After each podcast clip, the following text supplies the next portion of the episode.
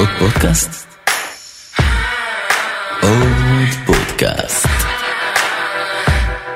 עוד פודקאסט לסטארט-אפים. אהלן, כאן גיא קצוביץ', וברוכים הבאים לעוד פרק של עוד פודקאסט לסטארט-אפים. וגם הפעם אנחנו בסדרת מובילי חדשנות, סדרה מיוחדת במסגרתה מובילי עולם הכלכלה והחדשנות הישראלית, מרואיינים על ידי בכירי רשות החדשנות. והפעם נדבר על השלב הבא של ההייטק הישראלי, לאן ממשיכים מכאן ומה ההשפעה של שגשוג היוניקורנים, על המשק הישראלי בשיחה עם ניר זוהר מוויקס ודרור בין מרשות החדשנות. האזנה נעימה.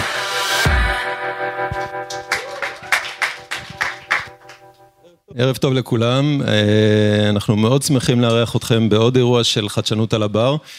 אה, כמו שאתם יודעים זה מופע נודד, אנחנו אה, מופיעים בכמה מקומות, בכמה ערים, עם המובילים הכי רציניים של ההייטק הישראלי, ואני מאוד שמח לארח היום את ניר זוהר, COO ונשיא חברת וויקס. את וויקס אני מניח שלא צריך להציג, כולם מכירים, אבל אני אבקש מניר להציג את עצמו בכמה מילים. תודה, דרור.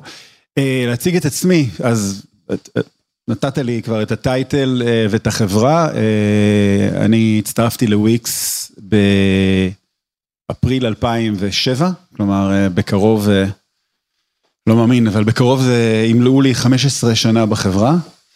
כשהצטרפתי לחברה היא הייתה מאוד קטנה מן הסתם, היא הייתה בחיתוליה, היינו בערך 10-15 עובדים. ודי מהר קיבלתי את התפקיד הזה של אחראי על האופרציה ו-COO.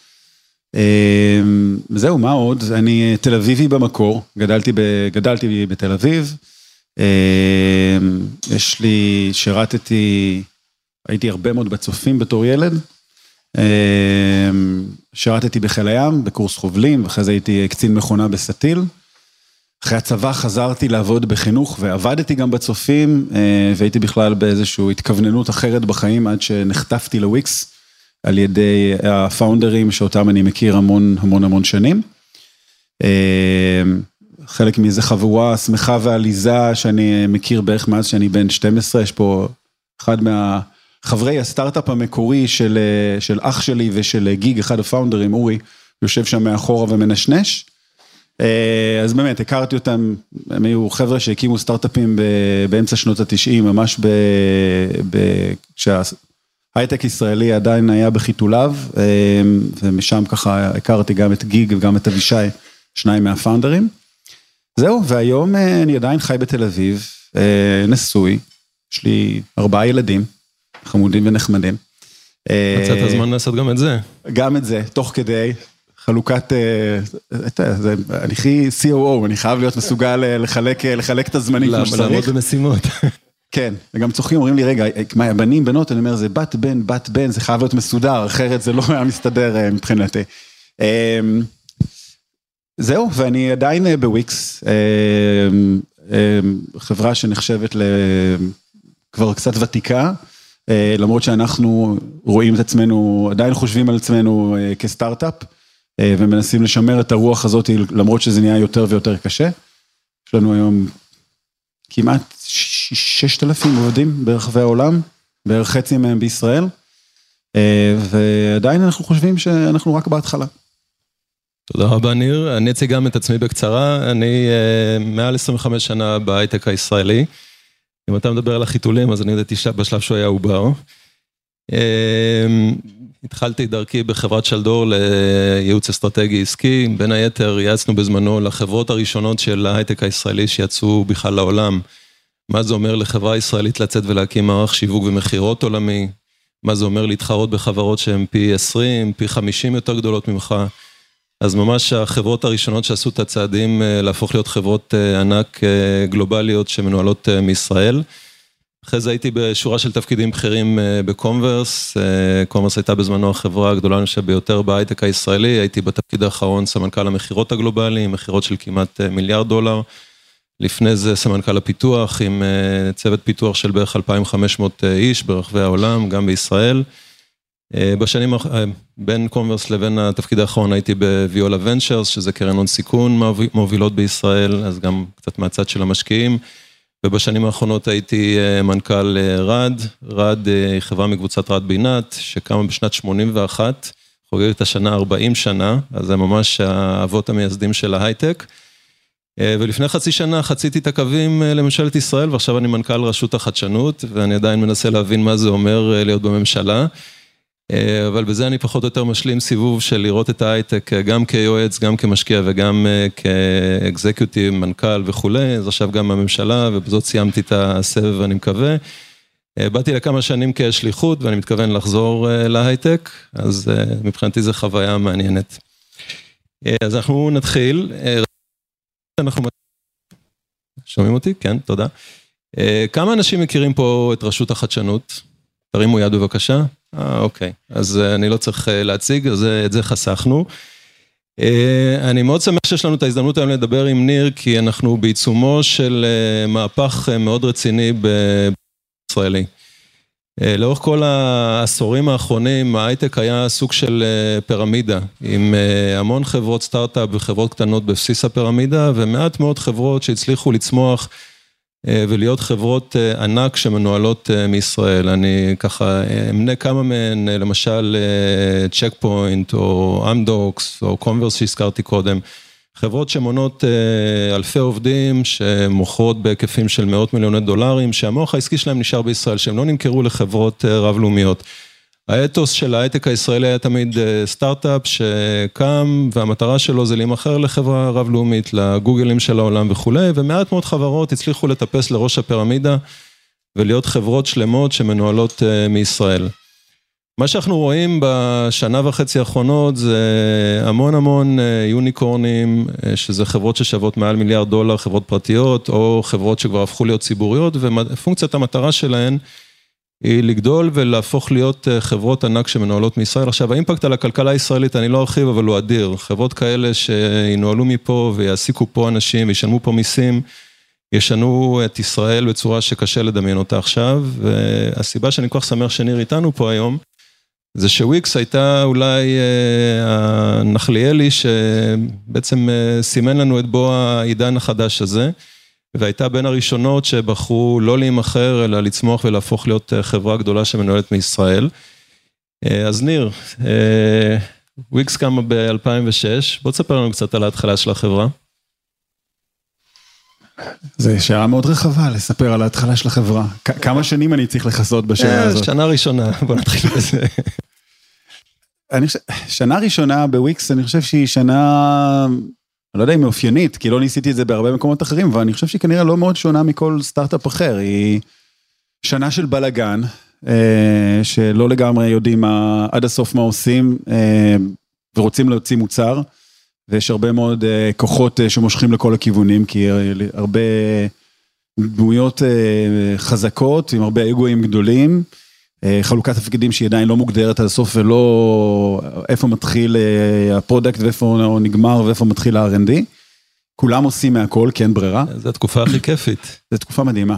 אני לא יכול להגיד שאני לא מדבר ונזכר בה בערגה. ו... ועוד מעט נגמר הכסף, כי בסטארט-אפים תמיד עוד מעט נגמר, למרות שאולי אולי בסטארט-אפים עכשיו זה קצת השתנה, כי אנשים מגייסים כמויות היסטריות של כסף. מצד שני... כן ולא, תלוי באיזה תחום. בהתחשב במשכורות שהם מחלקים לעובדים, כנראה שגם להם עוד שנייה נגמר הכסף. ואז עוד כל הזמן אתה מתחשב את קצך לאחור, שזה חוויה מאוד מאוד, מאוד מאוד קשה, לדעתי, בתור סטארט-אפיסט. כל הזמן לחשוב מתי, מה זה החודש האחרון שבו אני יכול לשלם משכורות, ואז אם אני לא רוצה להיות עבריין פלילי, אני צריך כבר להתחיל להפריש כסף לסגירה של החברה. וזה בדרך כלל עשרה חודשים קדימה, 12 חודשים קדימה, זה לא איזה, יש לי עכשיו אופק לחמש שנים, נחשוב על זה אחר כך, זה משהו שמרחף מעליך כל הזמן. ובמקביל מנסים לייצר מוצר, שאנחנו לא לגמרי יודעים עד הסוף מה, מה יהיה הפורמט שיעבוד בו, מה אנשים ירצו באמת לעשות. זה נראה כמו עידן ועידנים וחיים אחרים לגמרי, אבל ב-2007, פעם הייתי עושה מין פרזנטציה כזאת על היסטוריה, והייתי אומר, בתקופה הזאת כולם ידעו מי זה, ושם, ואף אחד לא ידע מי זה, אף אחד לא ידע מי זה מרק צוקרברג, תמונה של מרק צוקרברג, שהיום הוא דמות שאף אחד לא יכול לא לזהות, וליד זה יש תמונה, של תום, המייסד של מייספייס. עכשיו, שכולם ידעו מי הוא, בגלל שכשהצטרפת למייספייס, הוא ישר היה נהיה החבר הראשון שלך. אז כולם היו חברים של תום. אמ, וזו תקופה, זה עולם של מייספייס, ואתרים הם משהו מאוד מאוד אה, אה, רעוע, אה, ואנחנו בכלל פיתחנו מוצר שיודע לעשות הרבה דברים, הוא ידע לעשות אתרים, הוא ידע לעשות אה, אה, קומנטים במייספייס, שהיה משהו מורכב וקשה לערוך, היה איזו הרחבה נוספת למייספייס, ו greeting cards לאימיילים. למעשה דחינו את ההוצאה של המוצר באיזה חצי שנה כדי להוסיף את ה websites, את האתרים. קיבלנו הרבה מאוד push מהמשקיעים על זה שאנחנו מתעכבים וכולי, אבל חשבנו שזה נורא חשוב. אמ, וכשהוצאנו את ארבעה הפורמטים האלה, שניים עבדו ממש טוב. אחד היה websites, והשני היה קומנטים אה, במייספייס. אה, ואז היינו צריכים לקבל החלטה מה, על מה הולכים ומה מוחקים, כי אתה לא יכול באמת לפתח אה, שני מוצרים שאתה חברה נורא קטנה. והימרנו על אתרים במקום על קומנטים למייספייס, זה היה הימור טוב. אנחנו שמחים על ההימור הזה. אגב, מי היו המשקיעים שלכם בתחילת הדרך? בהתחלה, בהתחלה, אינג'לים. שניים יותר גדולים, אילון תירוש, שהוא אנג'ל מאוד פעיל בישראל, היום הוא משקיע רק, מתמקד בתחום של ביו והלף, ורן תושייה, שהוא קצת פחות פעיל, ועוד כמה חבר'ה יותר קטנים, גם גיג וגם אבישי, בעצם וויקס הוקמה על ידי שלושה פאונדרים, אבישי, גיורא קפלן גיג, ונדב אברהמי שהוא האח הקטן של אבישי. וגם גיג וגם אבישי היו יזמים מנוסים, הם כבר מכרו, כשלו שלוש-ארבע חברות כל אחד. לכן כשהם הקימו, כשהם רצו לעשות את החברה, היה להם מאוד קל לגייס כספים מאינג'לים, אנשים שהכירו אותם מהעבר, למרות שהם בכלל לא גייסו כסף לוויקס, או הם לא גייסו כסף לרעיון שבסופו של דבר וויקס, הם גייסו כסף לרעיון אחר, משהו שהיה, הוא היה מין אה, מפגש בין אה, דרופבוקס ל, לרשת חברתית, כלומר file sharing, אבל שאתה יודע כל מה החברים שלך עושים כל הזמן, ואתם יכולים להחליף, להחליף קבצים תוך כדי. אה, וכשהם הלכו לבנות את ה... ממש בשלהי החברה, עוד לפני שהיא ממש הוקמה, את האתר שבשבילו, אה, שייצג את, ה, את הדבר הזה שהם רוצים לעשות. הם גילו כמה זה קשה. הם, לא, הם התחילו להתקוטט על מי לא יעשה את זה. עכשיו, פאונדרים בדרך כלל רבים על הדבר ההפוך, על מי כן יעשה משהו, ואז אמרו, זה לא יאמן, אנחנו כאילו באמצע שנות האלפיים, שנינו עם המון ניסיון, מבינים בשיווק, מבינים בטכנולוגיה, ודבר כל כך בסיסי כמו לשים תוכן על האינטרנט, זה משהו ששנינו שונאים לעשות כי זה כל כך קשה, זה משהו הרבה יותר חשוב לפתור. אה, חזרו לאנג'לים, אמרו, תקשיבו, בואו נשנה כיוון, וככה... סיפור מדהים. כן. אבל זה בסוף הסיפור של כל סטארט-אפ מצליח, למצוא בעיה אמיתית, לתת לה פתרון טוב. נכון. כן. אז תגיד, אה, הפאונדרים ואתה והמשקיעים, מה עלה בדעתכם לא למכור את החברה ולהמשיך כל הדרך? אה, עזבו, תעזוב את העניין של לא להיפגש עם הכסף מהר, לקחת את המשימה הנוראית הזאת על הכתפיים, זה באמת קשה. אני חושב שאם צריך לזקק את זה, אנחנו פשוט כנראה אנשים לא מספיק חכמים. אמ, אני חושב שזה שילוב של כמה דברים, אה, אופי של אנשים. עובדה שבוויקס, אני חושב שדי מוקדם התגבש אה, צוות מאוד אה, קרוב של אנשים מאוד מאוד חזקים שהיה להם כיף לעבוד ביחד והם נתנו אחד לשני כל אחד להיות טוב במשהו. למרות ששוב, אני לכאורה לא חלק מה... לא פאונדר באופן רשמי, מאוד מהר התייחסו אליי בתור אחד הפאונדרים. כנ"ל לעומר, הסמנכ"ל שיווק שלנו, שהגיע בערך שנה אחריי. שאז זה היה נראה, הוא הגיע המון זמן אחרי, אבל זה עדיין תחילת 2008. ואני חושב ששוב, מתוך הניסיון של הפאונדרים, ולהבין שהמשימה הכי גדולה שלהם זה להביא אנשים שיהיו טובים בדברים שהם לא טובים בהם, ולתת להם לעבוד, ולא לנסות לדחוף או לקחת אחריות על תחומים שהם לא טובים בהם, יצר משהו מאוד מאוד מאוד חזק, שהוא גם חברות מאוד חזקה, שקל לעבוד בה וקל לקדם דברים ביחד. אז כיף לך לבוא לעבודה ואתה רוצה להמשיך, אתה לא רוצה למכור ולצאת לפנסיה. וגם אני חושב שברמה הטכנית, אני חושב שוויקס היו בין הייתה בין החברות הישראליות הראשונות, היום זה מאוד נפוץ, אבל אז זה לא היה כל כך נפוץ, שבה אה, במסגרת סבבי השקעה התחלנו לתת בהתחלה לפאונדרים, ואחרי זה גם לעובדים הוותיקים, להוציא קצת כסף החוצה. מה שנקרא סקנדרי. כן, הפאונדרים, אם אני זוכר נכון, ב-2000 ובסיבוב שעשינו ב-2009, אה, אה, כל אחד הוציא, אני חושב בערך, לא יודע, קרוב למיליון דולר לפני מיסים, שבסוף נשאר לך, לא יודע, 700-750 אלף דולר. זה לא כסף שיגרום לך להפסיק לעבוד לכל החיים, אבל זה כסף שמרגיע אותך. הוא, הוא קצת מוריד לך לחץ מהבית ומה יהיה ומשפחה, למרות שאף אחד עוד לא הייתה משפחה אז. אמ, שזה דבר אחד, וב-2010 עשינו עוד אחד כזה עם הפאונדרים ועם הרחבה קטנה. ב-2011 אינסייט, אחת ההשקעות, חושב שההשקעה הראשונה שלה בישראל, אם אני לא טועה. היום הם all over the place, אבל אז כאילו אנחנו היינו הסנונית גם שלהם.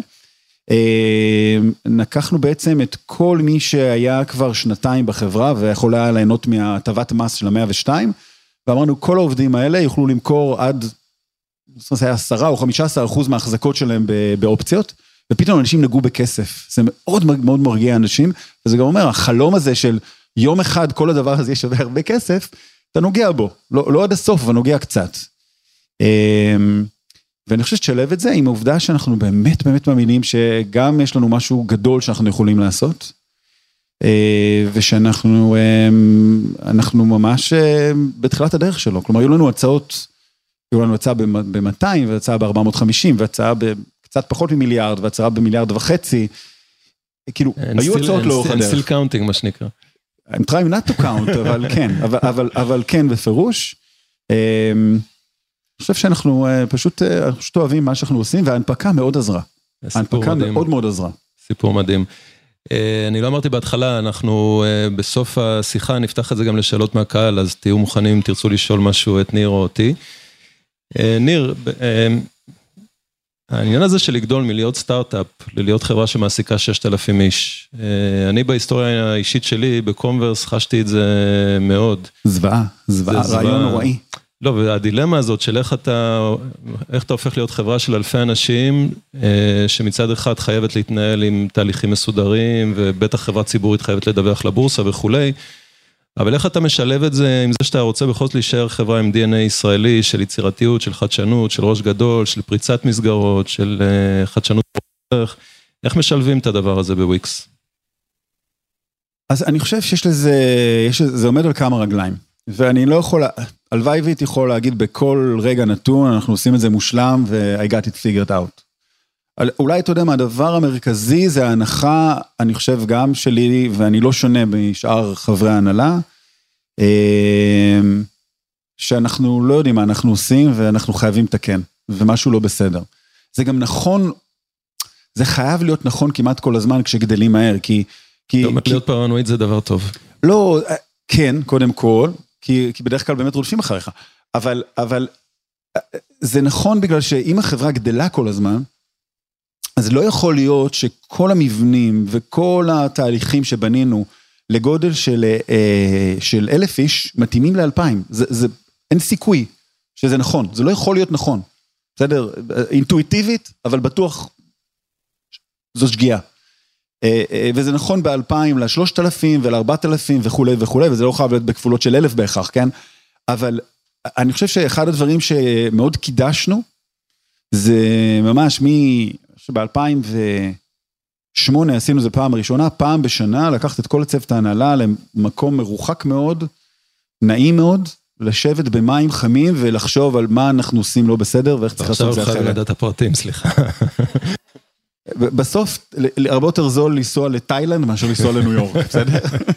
אז נסענו לתאילנד וישבנו במשך שבוע באיזה מלון כזה, ארבעה כוכבים בתאילנד, וניסינו להבין מה לא בסדר, מה אנחנו צריכים לעשות אחרת.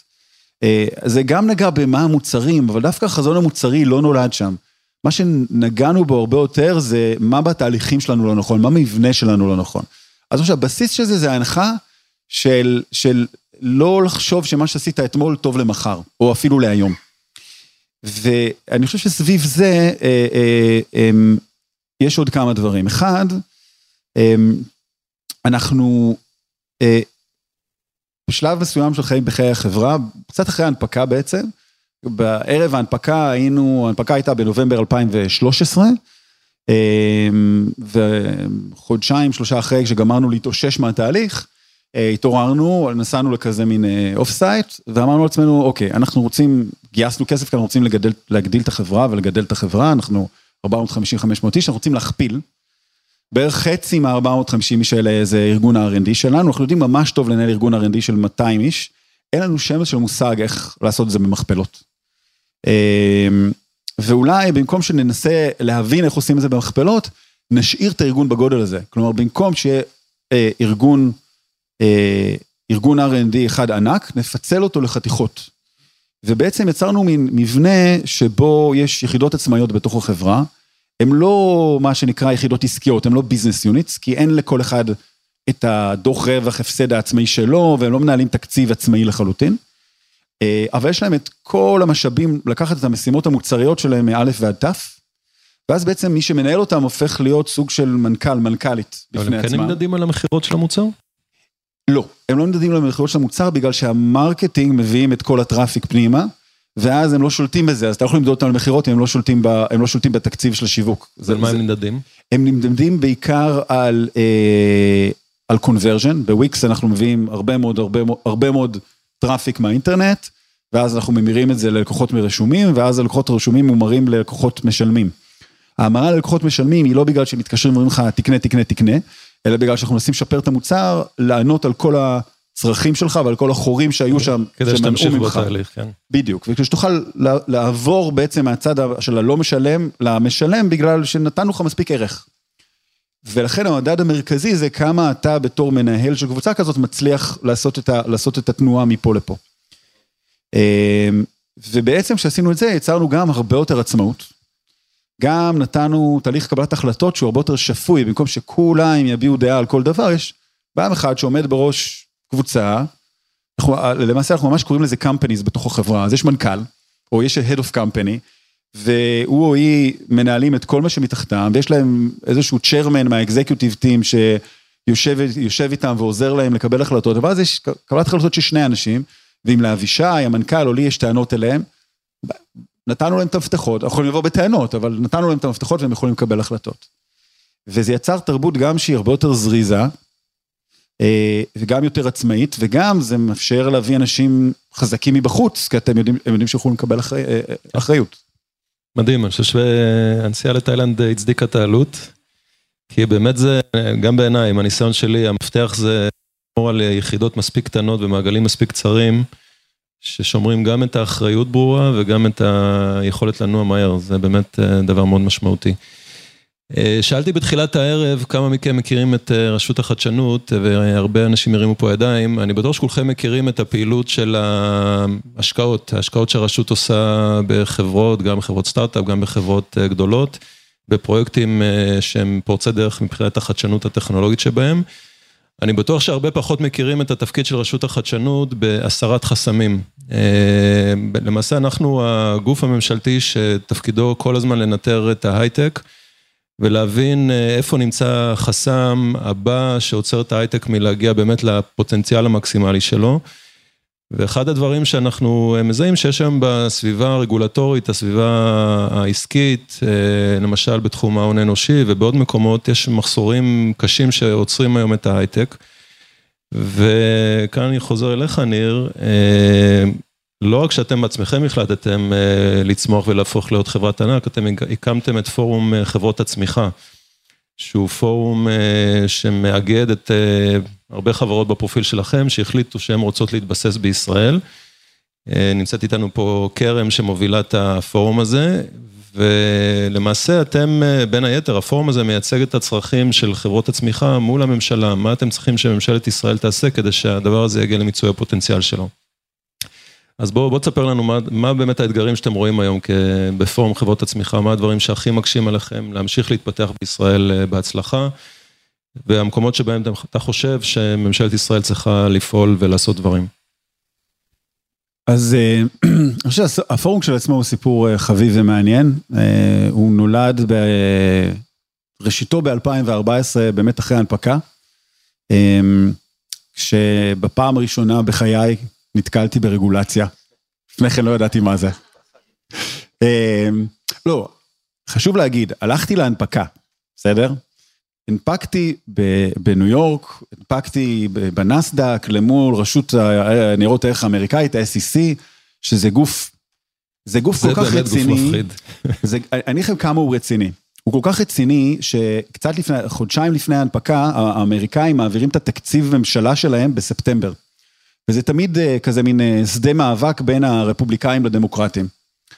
ב, אה, בספטמבר 2013, אה, אובמה היה, אובמה היה בתפקיד, והיה שם קרב על, על העניין הזה, לא היה לו רוב, והוא לא הצליח לסגור עסקה עם הרפובליקאים, ולכן בספטמבר הם לא העבירו תקציב. עכשיו, בארה"ב זה שונה בישראל, כשלא מעבירים תקציב לממשל, הם פשוט סוגרים את הממשל. הם שולחים אנשים הביתה, כולם הולכים הביתה. ואין עבודה. עכשיו, אין עבודה, אין ממשל, אנחנו רוצים להנפיק חודשיים אחר כך, ואז נשאלת השאלה, האם אפשר, האם נוכל להנפיק? כי זו רשות אמריקאית שצריכה לתת את האישורים, ה-SEC. והלכתי לקרוא על זה. ואז גיליתי שגם בסיטואציה של, אה, אמ, שיתוק? של השבתה, יש כמה רשויות שהן הרשויות החירום האמריקאיות שממשיכות לעבוד. ה-FBI ממשיך להיות מתוקצב ועובדים, מחפשים אה, פושעים. אה, אה, פימה שמטפלת באסונות, עובדים. וה-SEC גם עובדים. עכשיו דרך אגב, הם לא מנפיקים חברות חדשות, אבל הם ממשיכים את כל הפעילות שלהם של להשגיח על החברות הנסחרות. האמריקאים לוקחים את כל הסיפור הזה של, אה, של שווקי, שוקי ההון בצורה מאוד מאוד מאוד רצינית. אז ידעתי שאני הולך לרגולציה, זה לא היה חדש. מה שלא הבנתי זה שאני הולך לשתי רגולציות, ושהן עלולות להיות סותרות. אה, כלומר, יש לי גם את הרגולציה הישראלית, שלכאורה אני אמור להיות פטור ממנה, אבל המחוקקים הישראלים מצאו דרכים מגניבות כאילו ל- לחרטט, במילים לא יפות. אה, אני עכשיו לחלק מהפעמים, אני לא יכול להתייחס לזה. מה זה? בישראל יש את חוק הרישום הכפול, שהוא אומר בעצם שרשות הניירות, אם אתה נרשם הברית, אז אתה כפוף רק לרשות ניירות ערך אמריקאית ולא לישראלית. ואז אתה מצטרך רק ברגולציה שלהם. אבל ברבות הימים, ממשלת ישראל או כנסת ישראל כן רצתה להכניס קצת דברים, והם גרדו בראש, אמרו, "אה, מעולה, יש חוק החברות, נביא את זה משם. ואז אתה מגלה שיש לך כללים שונים, למשל, איך, יש- איך בונים דירקטוריון. יש את הכללים הישראלים והכללים האמריקאים, ולפעמים הם ממש סותרים אחד את השני. אתה נמצא, אתה צריך להיות בדיפולט מול מישהו. אגב, דרך אגב, עדיף להיות בדיפולט מול הישראלים, no offense, מאשר האמריקאים. אה, אבל, אה, אז ב-2014 התקלנו לזה פעם ראשונה ואמרנו, מה עושים עם זה? ואז אמרתי, אם אנחנו נלך וננסה לדבר עם הממשלה בתור וויקס, קצת חלש מדי. בואו נראה עוד חברות שהן כמונו, ואז זה התחיל מלעשות פשוט כמה טלפונים לכמה חברים, למיכה מפייבר, מתומר מ ironSource, לאדם מטאבולה, אמ, והבנו שזה לא רק שיש לנו בעיות רגולטוריות, סתם יש לנו בעיות דומות, ואנחנו יכולים לעזור אחד שני ו, ו, ולעזור לקדם דברים ביחד. והקמנו את הפורום, כרם הואילה באמת להצטרף אלינו ולנהל אותו ולהוביל אותו. אמ, והפורום עושה המון המון דברים, רובם הם כל כך לא סקסיים, שאם אני אספר לכם את הפרטים, אני מניח שאתם כולכם תתחילו אה, להתנמנם. אמ, אבל זה דברים שמפריעים לחברות להתקדם, בסדר? יש מיזוגים ורכישות. יש חברות שממש גדלות על בסיס קניית חברות אחרות. אה, היו כל מה זה? זה אחת הדרכים הכי חשובות. זה אחת הדרכים, לא, אנחנו דווקא פחות, אז אני כאילו פחות, צריך להבין, מביאים, את- כשאנחנו צריכים לדבר עם הממשלה על מיזוגים, אנחנו מביאים את. ה ironSource, אנחנו לא, לא מייעצים בעצמנו. אמ, והיו כל כך קשיים מופרעים, בסדר? היו קשיים ברמת שאם אתה קונה ואתה ממזג, אחרי זה אתה לא יכול לשנות את מבנה המניות של החברה הרוכשת במשך שנתיים.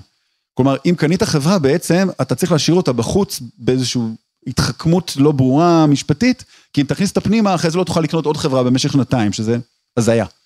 אמ, וההמשך הוא הרבה כאלה, בסדר? למשל, גיליתי זה עתה, שטיפלנו ברבות השנים ממש טוב בכל נושא המיזוגים והרכישות, לא עשינו עבודה מספיק טובה על פיצולים. בכלל לא ידעתי שצריך לעשות עבודה על פיצולים. עכשיו אני יודע שצריך לעשות עבודה על פיצולים. מה קורה אם אתה רוצה להוציא חתיכה מהחברה שלך החוצה? שזה מאוד מקובל בתעשיית ההייטק, אבל חברות ישראליות לא עשו הרבה, את זה הרבה. אמ, אז, אז קודם כל זה מורכב מהמון סעיפים כאלה, קטנים, מעצבנים, שלפעמים אתה מבין אותם רק כשאתה נתקל בהם, וככל שהחברות גדלות, הן מגיעות למקומות האלה. הן משתמשות, משתמשות בכלים שהם לא השתמשו בהם אף פעם מעולם, והרבה פעמים... ב- בישראל. בישראל. ואז אתה מגיע לרגולטור, או לרשות המיסים, או, ואתה אומר, אני רוצה, אני רוצה לעשות כזה, ואומרים לך, אנחנו לא יודעים מה זה אומר. אף פעם לא נתקלנו, תסביר לנו, בוא, בוא תסביר לנו מה אתה מנסה לעשות. אה, אז אני אומר, העבודה היא שוטפת, יש עוד המון כאלה כל הזמן. אני חושב שבסוף יש תופעה אחרת עכשיו, בסדר? כי החברות, וויקס התחילה להתעסק בדברים שחברה לא מתעסקת בהם, אחרי ההנפקה. לא מיד, אבל קצת, הקימה, הקמנו את הפורום, זה משהו שלא עשינו לפני. התחלנו להתעסק בחינוך. יש לי מישהו שאחראי על חינוך בחברה. אה, לא, כ, לא כמטרה מסחרית, אלא כמטרה חברתית, שנורא מעניינת אותי. וזה משהו שלא יכולתי להרשות לעצמי לפני כן, הייתי קטן מדי. אנחנו נגיע לזה בהמשך, למטרות החברתיות. כן, אבל אני אומר, במקום הזה, אני חושב שאחד הדברים הכי מעניינים שהיום הפורום, או בכלל החברות יכולות לעשות, בגלל שהם כולם קיבלו עכשיו את הבוסט הזה, זה להתחיל להבין מה אפשר לעשות ביחד עם הממשלה כדי, כדי לעשות דברים יותר גדולים ביחד. אבל אתה רוצה לדחות את זה לאחר כך, אז אני חכה עם זה. אנחנו נגיע לזה, אני חושב שזה מתקשר למה שאמרתי בהתחלה, על השינוי פרדיגמה שעובר ההייטק הישראלי. אם אני אעשה את זה בכוונה קצת פרובוקטיבי, אז למעשה עד די לאחרונה ישראל הייתה סוג של הבנגלור של עמק הסיליקון, זאת אומרת החברות הבאמת ענקיות ישבו שם, המוחות העסקיים ישבו שם, ופה היו מרכזי פיתוח, סטארט-אפים שנמכרו והפכו למרכזי פיתוח של החברות. ולמעשה היום אנחנו באמת משנים את התמונה, מה זה אנחנו? בעיקר המנהלים, היזמים משנים את התמונה.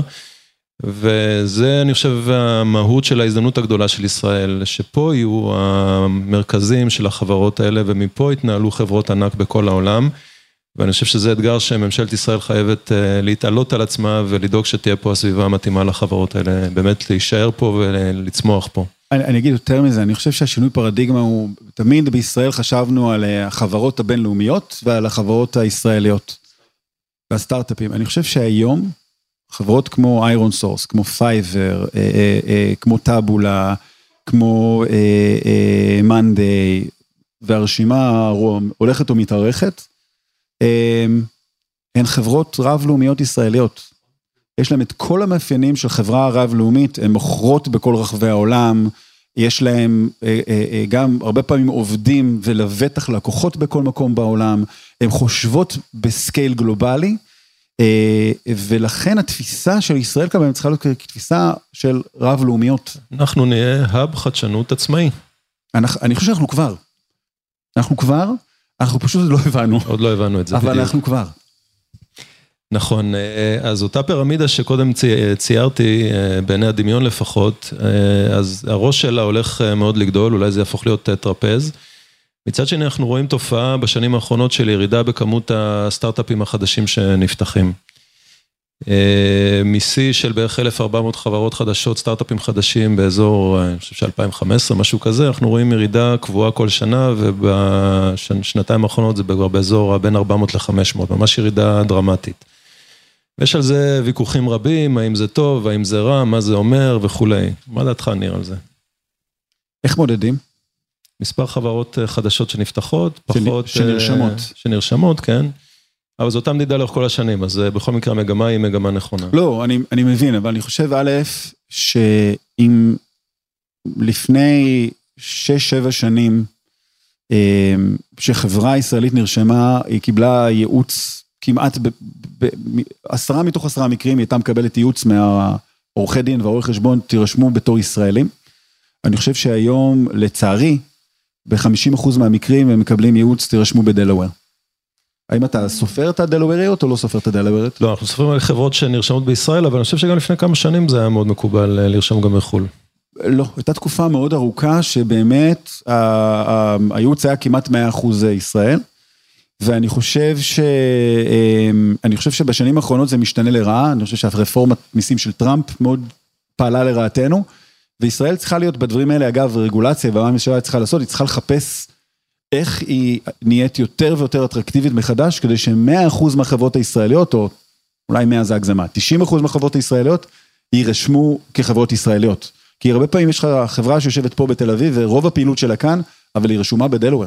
ולא רשומה ב... אה, זאת אומרת, להערכתך, דלוור בפועל יזמים- זה היעד רישום בארצות הברית של כל החברות הזרות. זאת אומרת, להערכתך כמות המיזמים החדשים שמובילים ישראלים אה, לא ירדה? אני אשאל אותך- אני אשאל אותך שאלה אחרת, היית היום. ממליץ לחבר להקים סטארט-אפ? אני חושב שזה קצת תלוי בחבר ובמוטיבציות שלו, אבל כן. חבר שלפני חמש שנים היה מקים סטארט-אפ, האם אה, גם היום נכון? אה? אני חושב שבפירוש כן. לא, כי יש כל כך הרבה הזדמנויות בחברות כמו, וויקס או במרכזי הפיתוח, אה, משלמים מצוין, יש אתגרים מדהימים מבחינה מקצועית. תראה, אני יורה- למה לקחת סיכון? קודם כל אני יורה לעצמי ברגל, ברור שאם החבר הוא נורא נורא מוכשר, אני אנסה לנסות לגייס אותו. ברור. כי זה מה שאני עושה רוב הזמן, אבל, אבל אמ, אני חושב שזה מדהים להקים סטארט-אפים היום בישראל. אני חושב שבסופו של דבר, אם יש לך רעיון טוב ואתה משכנע, אה, אה, אתה יכול לגייס כסף, יש הרבה מאוד, הרבה הרבה מאוד כסף. אה, אני חושב ש... שוב, אני לא יודע למה, מעולם לא חקרתי לעומק את הנתונים של, היר, של הירידה במספרים. כמה באמת עברו למקום אחר, אנחנו חוקרים את זה אה, ממש בימים אלה. אז, אז יהיה מאוד מעניין להבין האם כמה ירידה, ל, ירידה על הנייר וכמה ירידה אמיתית. מהמם. אני לא בטוח שהמדד הוא המדד היחיד שאתה רוצה להסתכל עליו, כי אם אה, הייתה תקופה שאנשים הקימו חברות, אה, הקימו וסגרו נורא מהר, או אה, זה היה מין כזה משהו מאוד אה, קפריציו- קפריציוזי, אז לא, אני לא יודע אם זה משנה. אני חושב שבאופן עקרוני, אם המספר באמת יורד, ברור שזה צריך להדאיג אותנו. כי החברות היום, שהן החברות המצליחות שכולנו מדברים עליהן, הם לא באמת, כאילו אומרים, "ה- הטרנספורמציה הגדולה שקרתה במהלך השנה האחרונה להייטק. זה נכון שבגלל הקורונה ובגלל הדפסת הכסף הפסיכית בארצות הברית והריביות האפסיות, כל הכסף זרם לשוק ההון וזה יצר הזדמנויות מאוד מאוד גדולות, אבל בסוף החברות המצליחות, הן לא, לא הופיעו שם. בן לילה, הן בונות את עצמן כבר, כבר, כבר עשר שנים. אנחנו בסופו של דבר, כשנסתכל על רשימת החברות בפורום, היו בערך 25, קצת אחרי שקמנו לתוכו הפורום, הגענו כבר מספרים של 20-20 פלוס, היו ארבע ציבוריות. היום כמעט כולן ציבוריות. זה שינוי שהוא נובע מהעובדה שהם הם, הם, הם, הם, הם פיתחו עסק, הם פיתחו מכירות, הם הביאו אנשי מכירות, הם הביאו אנשי שיווק, הם גדלו, הם התפתחו, הם הפכו להיות חברות מלאות כאלה שיש בהם הכל ולא רק פיתוח. וכאילו אם אנחנו רוצים לחשוב על העתיד ולא לחשוב על שנה הבאה, אז צריך שהחברות של העשור, של עוד עשר שנים מהיום, יוקמו עכשיו. אחרת עוד עשר שנים מהיום, נוכל להיזכר באיזה יפה ההייטק היה פעם. אני רוצה לחלוק, לחלוק איתך קצת מחשבות שיש לנו, כמו שאמרתי, אנחנו חוקרים עכשיו את העניין הזה של הירידה בכמות הסטארט-אפים החדשים. אה, יכול להיות שגם יש באמת יותר היום שנרשמים בחו"ל, אבל בגדול אני חושב שזה מבטא ירידה אמיתית בכמות הסטארט-אפים, ואני יכול גם להבין, הרבה אנשים שאולי בעבר היו יוצאים ופותחים סטארט-אפ, מוצאים היום אה, סיפוק מקצועי ומוצאים אה, סביבה מאוד אטרקטיבית בחברות הצמיחה, בחברות הרב-לאומיות שפועלות בישראל. אמ, ויש ויכוח גם גדול לגבי מה זה אומר הירידה, כמו שאתה גם אמרת, כנראה שיש אה, ירידה גם בכמות החברות הפחות טובות שבעבר נפתחו ונסגרו מאוד, והיום גם היזמים וגם המשקיעים יותר מתוחכמים ולכן צריכים פחות חברות. אבל הנקודה שאותנו מאוד מעניינת זה יותר הגיוון, כלומר פחות מאשר לספור כמה חברות, זה להבין באיזה תחומי פעילות הם, אה, החברות האלה פועלות. בסוף ההייטק הוא לא ענף אחד. אלא המון המון ענפים, אה, כל תחום אנושי כמעט עובר באיזושהי נקודת זמן, אה, מה שנקרא disruption טכנולוגי. אם אני אקח לדוגמה תעשיית הרכב, לא יודע, 70-80 שנה לא השתנה בה שום דבר דרמטי, ופתאום לפני כמה שנים, פתאום היה איזה ניצוץ, וקמה תעשייה של סטארט-אפים שחידשו המון בתחום הרכב, כמובן אה, חלק מאוד משמעותי מהם נמצאים באקו-סיסטם הישראלי. אותו דבר תעשיית המזון לא השתנתה, לא יודע, לא עשרות שנים, מאות שנים אולי, ופתאום בשנים האחרונות אנחנו רואים פריצה של חברות פודטק ישראליות, כלומר, כל תחום ותחום בקיום האנושי כמעט אה, עובר באיזושהי נקודת זמן אה, שיבוש טכנולוגי, disruption טכנולוגי, ולנו חשוב שישראל תהיה, תמשיך להישאר בחזית של אותם שווקים שעוברים אה, שיבוש טכנולוגי, ושם אנחנו אגב, את הכספים של הרשות, את ההשקעות שאנחנו עושים, אנחנו מכוונים למקומות האלה, מקומות שהשוק הפרטי, שהמשקיעים הפרטיים יודעים להזרים אליהם כסף, אין צורך לשים כסף ממשלתי, אבל מקומות שבהם הסיכון הוא מאוד גבוה הטכנולוגיה היא עמוקה, ה-time to market הוא מאוד ארוך, אז אה, יש היגיון שהממשלה תשים את ההשקעות אה, שלה, ולכן מה שמעניין זה באמת הגיוון, כדי לוודא שגם בעוד 10 ו-20 שנה יהיו פה, יהיה פה הייטק אה, משגשג.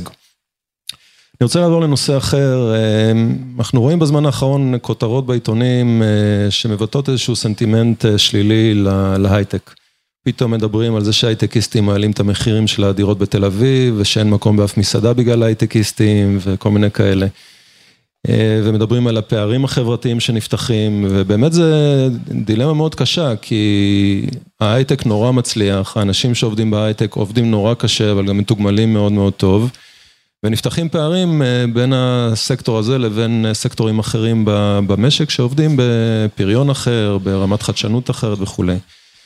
אבל למרות העובדות האלה, אה, האם אתה חושב שלחברות ההייטק יש פה תפקיד, אה, האם הן יכולות לעשות משהו, האם הן צריכות לעשות משהו, אולי זה רק התפקיד של הממשלה לטפל בזה? אמ, קודם כל, אני חושב שהסנטימנט השלילי, ביקורתי, אמ, כמו כל דבר אחר, כשהמטוטלת נעה, אז היא נעה עד לקצה. לפני שהיא חוזרת יותר למרכז. יש שם הרבה דברים שהם ביקורת לגיטימית, יש ביקורות שהן ממש כאילו ברמת השטות, אה, או שהן ברמת הקטנוניות, וזה בסדר. אני חושב שגם אלה החיים. אמ, קודם כל, נראה לי שבאמת בסופו של דבר, ההייטק, אני חושב שזה עוד לא קרה, כן? אני חושב שעכשיו זה הולך לקרות, ההייטק באמת מלא את מחירי הדירות בתל אביב, יש מלא אנשים שעשו מלא כסף בהנפקות. אה, ואני לא מדבר על היזמים, בסדר? היזמים דווקא לא מעלים את מחירי הדיור בתל אביב, כי הם קונים כנראה את הדירות של ה... 40, 50, לא כן, זה שוק מאוד מצומצם, השוק שבו הם מעלים את המחירים, זה כנראה לא הבעיה של רוב האנשים במדינה. אה, אבל סתם, תכנת, אה, מתכנת שעבד ב-Monday 4-5 שנים לפני הנפקה, יעשה, לא יודע, יצא עם מיליון דולר אחרי הנפקה, ילך לקנות דירה, זה מגניב. אני, אני פעם בחודש מקבל, מיש, מקבל הודעה ממישהו במיקס שמספר, עכשיו קיבלתי את הדירות, את המפתחות לדירה החדשה שלי, שקניתי באופציות של וויקס, ואני חייב להגיד, זה מחמם לי את הלב. לא- לגמרי. אני לא מרגיש בושה. לגמרי. אה, אז זאת מציאות, היא טובה, היא רעה, יש לה יתרונות, יש לה חסרונות, גם וגם. כן, זה מעלה את מחירי הדיור. בסוף כשמוכרים דירה יקרה, לא כולם זה, כל הדירות היקרות נמכרות לאיזה אייל אה, נדלן משוגע, אלא הרבה זה סתם לאיזה זוג מבוגר שקנה את הדירה בשנות ה-80 ועכשיו אה, יעשה כסף, ייקח מיליון שקל, לשים אותו בדיור מוגן מדהים ואת השאר ישאיר אה, ירושה לנכדים ולילדים, לא, לא, לא, לא, לא לא דבר רע. מצד שני, אני חושב שאנחנו אה, לא רוצים שתל אביב תהפוך לעיר של עשירים בלבד. סיפור עם המסעדות, כל עוד יש קורונה ולא נותנים למלא את המסעדות עד הסוף, זה קצת כאילו tricky, בסדר? עם התו הירוק, נשים את זה רגע בצד. אבל, אבל אני, אני חושב ש...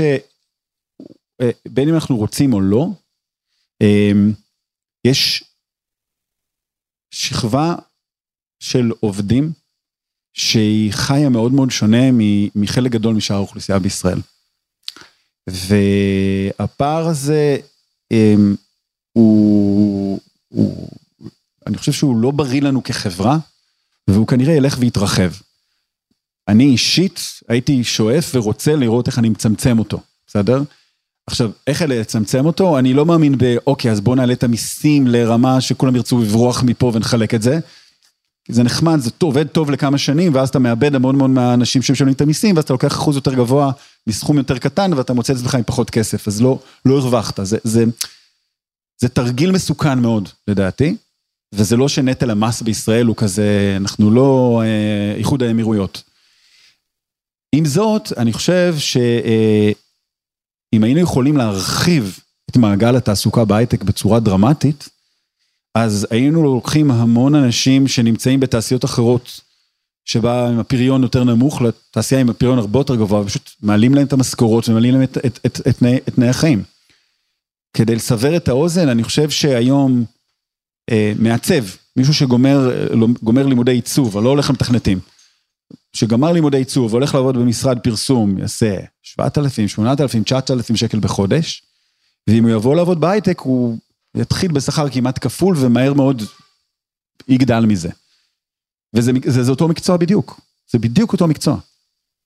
אה, ואני חושב שדווקא פה, החברות הרב-לאומיות הישראליות הם הבשורה. כי מה קורה בהם? אם פעם, תחשבו על זה שלפני עשור, בסדר? או בעשור, בעשור הזה של 2000 עד 2010, ההייטק הישראלי היה אה, בהתעוררות, והייתה המון טכנולוגיה, והמדד הגדול להצלחה היה המדד, אה, אה, מדד האקזיט. כמה גדול, כמה מהר. מכפלה של שניהם זה כמה מוצלח, עשית את זה, עשית את זה מאוד מהר, לא שרפת את עצמך, לך תקים עוד חברה, תעשה עוד אחד, אם, אם יש לך מספיק מזל. אבל החברות היו, היו מוטות טכנולוגיה. היית מביא, מביא קודם כל צוות טכנולוגי, בונה טכנולוגיה, אולי מגיע למצב שאתה מביא לקוח אחד או שניים, שגם הרבה פעמים אחד, הם היו אסטרטגיים, ואז הלקוח, אחד הלקוחות האסטרטגיים שלך היה רוכש אותך, ובזה היה נגמר הסיפור. אה, ובמהלך העשור האחרון עברנו שינוי דרמטי כזה. דרך אגב, כשהקמנו את הפורום ב-2014, אמרתי, אנחנו רוצים חזון גדול, תוך עשר שנים, עשר חברות עם שווי של עשרה מיליארד דולר. עכשיו הבורסה קצת ירדה, אז אני כבר לא לגמרי צודק, אבל, אבל השנה הזאת עברנו את זה ובגדול, ועברו, ועברו אה, שבע שנים, לא, אה, לא עשר. אה, הסיבה, שמה, הסיבה לזה שבחברות הישראליות הרב-לאומיות, פתאום יש לך, יש לך לקוחות. ולקוחות צריכים הרבה מאוד, להביא לקוחות צריך שיווק וצריך מכירות. ו, אה, וברגע שיש לקוחות צריך תמיכת לקוחות וצריך לעבוד הרבה יותר חזק על המוצר, כי אתה מוכר מוצר רחב, בין אם אתה מוכר ל-B2B, ל enterprise או מוכר ל consumer, אתה צריך לעשות עבודת מוצר הרבה יותר מוקפדת והרבה יותר עמוקה. ואתה צריך מעצבים, כי אתה רוצה לעצב את החומרי שיווק, ואתה רוצה לעצב את המוצר, ואתה רוצה... ומעגל התעסוקה פתאום נהיה הרבה הרבה הרבה יותר רחב. דרך אגב, מגייס את כל האנשים האלה, יש לך פתאום מלא בעליות ניהוליות, אתה צריך גם להביא שכבת ניהול הרבה יותר טובה. וכשמסתכלים על זה, החברות האלה מייצגות הזדמנות לא רק ברמת צריך יותר אנשים, אז נרחיב את מעגל התעסוקה. הן נותנות הזדמנות בגלל שחלק גדול מהמקצועות האלה זה מקצועות שיותר קל לסגור את הפער אליהם.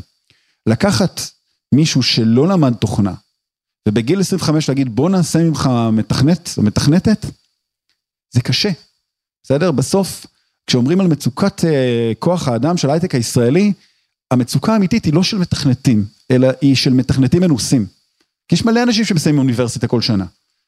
אבל כדי לגדל אותם, אתה צריך מישהו בכיר עם עשר שנים ניסיון, שיקח צוות של ארבעה חמישה כאלה ויגדל אותם. ושם המצוקה באמת באמת גדולה. עכשיו, לסגור את הפער הזה בגיל מאוחר מאוד מאוד מאוד קשה. מצד שני, לקחת מישהו שהוא טוב בעיצוב, ויש לו עין ויזואלית ואסתטיקה מאוד גבוהה, ולהגיד בוא, נלמד אותך במשך חצי שנה, שנה, נסגור לך את הפער, עכשיו נתחיל לקלוט אותך לתוך התעשייה, תתחיל קצת יותר בנמוך, תעלה למעלה, נורא מהר תתפוט, תסגור את הפער ותרוויח כמו כולם, זה משהו שסיכוי הרבה הרבה יותר טוב לעשות. עם זאת, החברות לא יכולות לעשות את זה בלי, בלי המדינה, בסדר? קודם כל, כי שכבת הבסיס חסרה הרבה פעמים, זה נקרא אנגלית. אי אפשר לעבוד בהייטק בלי אנגלית, אי אפשר. זה לא פלצנות, בסדר? זה נורא נחמד לצחוק עלינו שאנחנו פלצנים, ובוא נהיה אמיתיים, אנחנו באמת קצת פלצנים, אבל, אבל את, איך, איך אתה אמור להתנהל מול לקוחות שהם לא דוברי עברית, ואו שהם דוברי אנגלית או שהם דוברי משהו אחר, אבל אנגלית זה המגדל בבל, זה, זה מה שמחבר את כולם. זה, ממש בלתי אפשרי, ולכן אם אין תשתיות טובות של, של, של לימוד אנגלית ודיבור אנגלית בגיל צעיר, זה חיסרון דרמטי. והדבר השני שאני מאוד מאוד מאוד מאמין בו, אני חושב שמדינת ישראל, אנחנו בתהליכים, אני רוצה לראות את זה כבר בעיניים קורה, למרות שהתקבלה החלטת ממשלה, ויש עבודה בשטח על זה, אבל אני עדיין, עד שזה לא יקרה, אני לא אאמין עד הסוף. אה, אה, להתחיל ללמד תוכנה מגן חובה או מכיתה א' כשפה. עכשיו, זה נשמע נורא זהו, מה, כולם צריכים להיות מתכנתים? ברור שלא כולם צריכים להיות מתכנתים. חס ושלום, דרך אגב, אני לא מתכנת. אבל כששני הגדולים שלי נכנסו לכיתה א', אה, כל אחד בשלבו הוא, הם התחילו ללמוד שפות מיד. הם התחילו ללמוד עברית, לכתוב אה, ולקרוא, הם התחילו ללמוד אנגלית, לכתוב ולקרוא, שזה מצוין, הם התחילו ללמוד חשבון, עכשיו אני אומר סופרת חשבון בשפה, בגלל שחשבון בבית ספר יסודי נלמד כשפה. זה לא מתמטיקה עדיין, זה עוד לא נוסחאות, זה לא מורכב, זה להבין את מושגי הבסיס כדי להיות מסוגלים לדבר בשפה הזאת. ותוכנה שהיא בסוף היום מרכיב מרכזי בכל דבר בחיים שלנו. בסדר? כמעט בכל תעשייה היום יש מחשב שתקוע איפשהו ומנהל את הליבה של משהו. זה, זה הבסיס להבין את השפה שהעולם עובד בה. לא כולם צריכים לצאת מתכנתים, אבל גם עם המעצבים, וגם עם אנשי המוצר, ובואו נצא רגע מהעולם של ההייטק, גם עם אנשי הרוח, בסדר? ואנשי הספר יבינו את העולם הזה, זה הופך אותם, נותן להם יתרון למול המציאות, בסדר? זה לא בשביל ש... אני לא חושב שמערכת החינוך צריכה להיות אה, חברת ההשמה של ההייטק, ממש לא. אבל אנחנו רוצים אוכלוסייה שהיא, שהיא משכילה, שהיא מבינה את העולם שהיא חיה בה. ואם העולם מתנהל בעיקר סביב הדברים האלה, אפשר להיאבק ולהגיד לא, לא, אנחנו רוצים רק ספרות. ואני מת על ספרות, ובשלב מסוים בחיים שלי אפילו הייתי, למדתי חינוך, אז אפילו לימדתי, אה, לימדתי ספרות אה, בכיתות ז' לאיזה שנה. הנה, יש פה סיפור של הסבה מוצלחת. של הסבה מוצלחת, בדיוק. אבל אה, צריך להכיר, צריך להבין את השפה שבה העולם מתנהל, אין מה לעשות. אה, ומההיבט הזה, אני חושב שלמדינה, אה, המדינה חייבת לשחק תפקיד משמעותי. הייטק לא ילמד את ילדי ישראל אנגלית. כן, אני מסכים, לא תוכנה. אני מסכים מאוד, ואני חושב שגם תכנות בעיניי זה רק אחד הדברים, אני חושב שיש מיומנויות הייטק. אה, כלומר, כמו שאתה גם אמרת, יש מעצב ויש מעצב הייטק, יש אה, משפטן ויש משפטן הייטק, כלכלן וכלכלה, זאת אומרת העניין הזה של... אבל את הפערים האלה אפשר לסגור בשלב מאוחר. נכון, את הדברים שאתה מתאר, זה צריך להתחיל הרבה יותר מוקדם. ולייצר כלים בשביל זה, אבל יש משהו שהוא ברמת הבית ספר היסודי והתיכון שחייב לקרות. ושלא לדבר על אה, אוכלוסיות שלא מלמדות אנגלית טוב, ולא מלמדות, לא מלמדות חשבון. יש פה הרבה אתגרים אה, מדינתיים, אבל אני רוצה טיפה להקשות. אה, גם אם עכשיו אה, יקרה נס ומערכת החינוך הישראלית תעשה קפיצה פלאית, אנחנו נרגיש את זה רק עוד 10-15 שנה. היום יש לנו מחסור מאוד גדול בהון האנושי. אני מקבל טלפונים ממנכ"לים בתעשייה שלא שגנבו להם טאלנט כזה או אחר, לפעמים אני שומע שגנבו מחלקות שלמות. את המנהל עם כל האנשים, ואז מה אתה עושה בכלל כמנכ"ל? אז אה, נשאלת השאלה, מה, מה הממשלה יכולה לעשות במצב כזה שיש מחסור כל, כזה אקוטי, שגורם לעלייה בשכר, שגורם אה, לאנשים אה, כמוכם להחליט לפתוח אה, שלוחות בחו"ל, ואני מצדיק אתכם, זה לא, שזה, זה לא ביקורת בשום צורה, כי בסוף אתם צריכים שהחברה תצליח.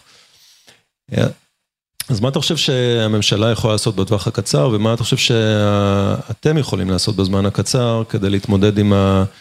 מה שנקרא, לא ללכת לפתרון הקל של לפתוח שלוחה בחו"ל, אלא למצוא פתרונות אה, פה בארץ. קודם כל, לפתוח שלוחה בחו"ל זה לא קל. נכון. אומר מניסיון. אמ, קל מבחינת למצוא אנשים, לא מבחינת לנהל. אני חושב, תראה, אני אתן תשובה שהיא לא, לא פופולרית, ולא תשמח אותך יותר מדי. אני לא חושב שב... אני חושב שבהיבט של המחסור במתכנתים ומהנדסים בכירים ובכירות, אני לא חושב שהממשלה יכולה לעשות הרבה, ואני לא חושב שהחברות יכולות לעשות הרבה. אני חושב שבסופו של דבר, החברות אה, ימשיכו להשיג בישראל, אבל יחפשו את פתרונות גם בחו"ל, אין להם ברירה אחרת. וזה לא נורא, זה בסדר, דרך אגב, זה מחזק את החברות, זה מייצר, אגב, אה, גיוון תעסוקתי, גם זה גיוון תעסוקתי. כשאתה חברה בינלאומית, רב-לאומית, זה טוב שיהיה לך עובדים מעוד אה, תרבויות ומעוד לאומים, כדי שתבין שאתה, לא כל העולם זה ישראל. אמ, אני חושב שיש דברים חשובים, אבל שהם לא, אני לא בטוח שהם ישנו דרמטית. אני חושב שאחד הדברים המרכזיים שאולי כן אפשר לפתור, זה איפה שלא מתעסקים במסות, אלא במספרים נמוכים. וזה כל הנושא של היכולת של ישראל להביא מומחים מחו"ל. לישראל. עכשיו, אני לא מדבר על הוצאת הוויזה, שזה דבר פשוט וקל היום. אגב, משהו שעשינו בממשלת ישראל במשך כמה שנים טובות, והיום זה מאוד מאוד פשוט מהמקומות הטובים בעולם להביא אנשים מחו"ל. אלא זה על היכולת של חברות ישראליות ושל ישראל, ואני לא תסביר למה ישראל היא גם חלק מהעניין, לגנוב טאלנט מחו"ל ולהביא אותו, אותו לפה. אם תמיד מדברים על בריחת מוחות, מתי נוכל לדבר על גנבת מוחות, שאנחנו עושים את הגניבה. אה, שיברחו אלינו. כן, עכשיו, זה בעיה. למה זה בעיה? כי לוויקס יש מותג מצוין, ויש לנו כיסים עמוקים. ואין לי בעיה לכאורה ללכת למישהו שהוא איזה מומחה AI או data science, או הקים איזשהו, או איזושהי תשתית שנורא מעניינת אותי למייקרוסופט או לאמזון או לגוגל בחו"ל ולהגיד לו בוא, עם המחלקה שלך ל-UX. הבעיה שלי זה שאני רוצה אותו פה, איפה, ש, איפה שנמצאים הדברים קורים, ולהביא אותו לישראל זה נורא קשה. עכשיו, זה לא קשה, שוב, זה לא קשה ברמה הטכנית של אה, אה, לארגן לו ויזת עבודה. זה קשה לשכנע אותו לבוא. לישראל, לצערנו הרב, אני אומר את זה בכאב, כפטריוט ישראלי אמיתי, לישראל יש מותג לא טוב בעולם, הוא לא טוב. אנשים, יש להם תפיסה לא טובה על מה שקורה פה ביום-יום, ורק אחרי שהם מביאים אותם לפה ומשפשפים אותם הרבה זמן, יש לך סיכוי לשנות את דעתם. ו... ולכן התהליך הזה הוא מאוד מאוד מאוד קשה, וזה המקום שבהם המדינה צריכה לנסות להתערב, בסדר? האם היא תצליח? אני לא בטוח. זה, זה באמת משימה מאוד מאוד מאוד מאוד קשה. אבל זה מעניין, כי זה לא בעיה של בוא, איך מביאים עוד את המאה אלף אנשים הבאים, אפילו לא את העשרת אלפים הבאים.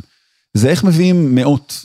כי אתה רוצה להביא, אתה יודע, דיברת על התעשיות שיותר עובדות בישראל ופחות עובדות בישראל. בסוף, אחד המניעים למה סייבר כל כך חזק בישראל, בסדר? אני חושב שהמניע מספר אחד, לפני כל השאר הדברים, זה נכון, יש את הצבא ושמונה ומאתיים וכולי, אבל בסוף, לפני הכל, או באיזושהי נקודה, זה הפך להיות מהווריאנט הדומיננטי, צ'ק פוינט. כי צ'ק פוינט הנפיקו בתחילת שנות ה-90 ופתחו כזה, כזאת תשתית, וכל כך הרבה ידע נוצר בצ'ק פוינט, ואז גלש לתוך התעשייה הישראלית. יוצאי צ'ק פוינט הקימו כל כך הרבה, חלק מהחברות של יוצאי צ'ק פוינט זה כבר חברות ציבוריות בעצמן, ותיקות. ו, וזה מה שקורה, כשתעשייה מתפוצצת ומתרחבת ככה, יש איזשהו מין spillover effect כזה של, של זה מתמלא, ואז מש, מתחילים לעזוב, והם הרבה פעמים הולכים ומקימים דברים מתחום הידע וההבנה שלהם. זה לא הסיבה היחידה לתופעה הזאת שדיברת על דברים שהם תחומים שיותר יותר מפותחים בישראל ופחות, אבל, אבל זה אחת הסיבות המרכזיות. ו, ואנחנו רוצים להביא אה, מובילי ידע לישראל בכל מיני תחומים, ולתת להם ל, ל, לגדל את השכבה הבאה של מהנדסי ה-AI, מהנדסי הדאטה, פרונט-אנד, בק-אנד, לא משנה מה, אנשים שפורצי דרך. שיווק, מכירות, כן.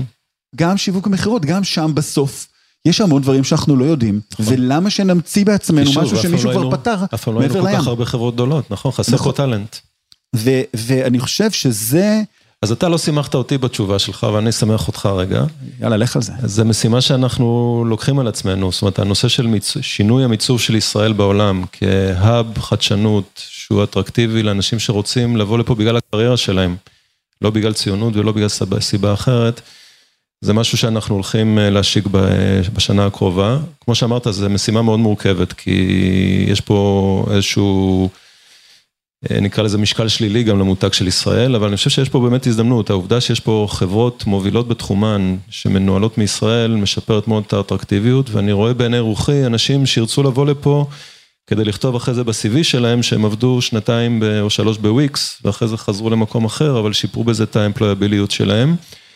ובסוף, יותר מזה, אני חושב שמי שמגיע לפה, גם הניסיון האישי שלי מאוד טוב לו פה, זאת אומרת, המסעדות בתל אביב טובות, החוף יפה, השמש פה זורחת רוב השנה, ובאמת עושים פה דברים מדהימים בהייטק, אז אני חושב שיש פה מה למכור לאנשים בחו"ל מבחינת המוצר, וזה התפקיד שלנו לשווק את זה, זה באמת משימה קשה.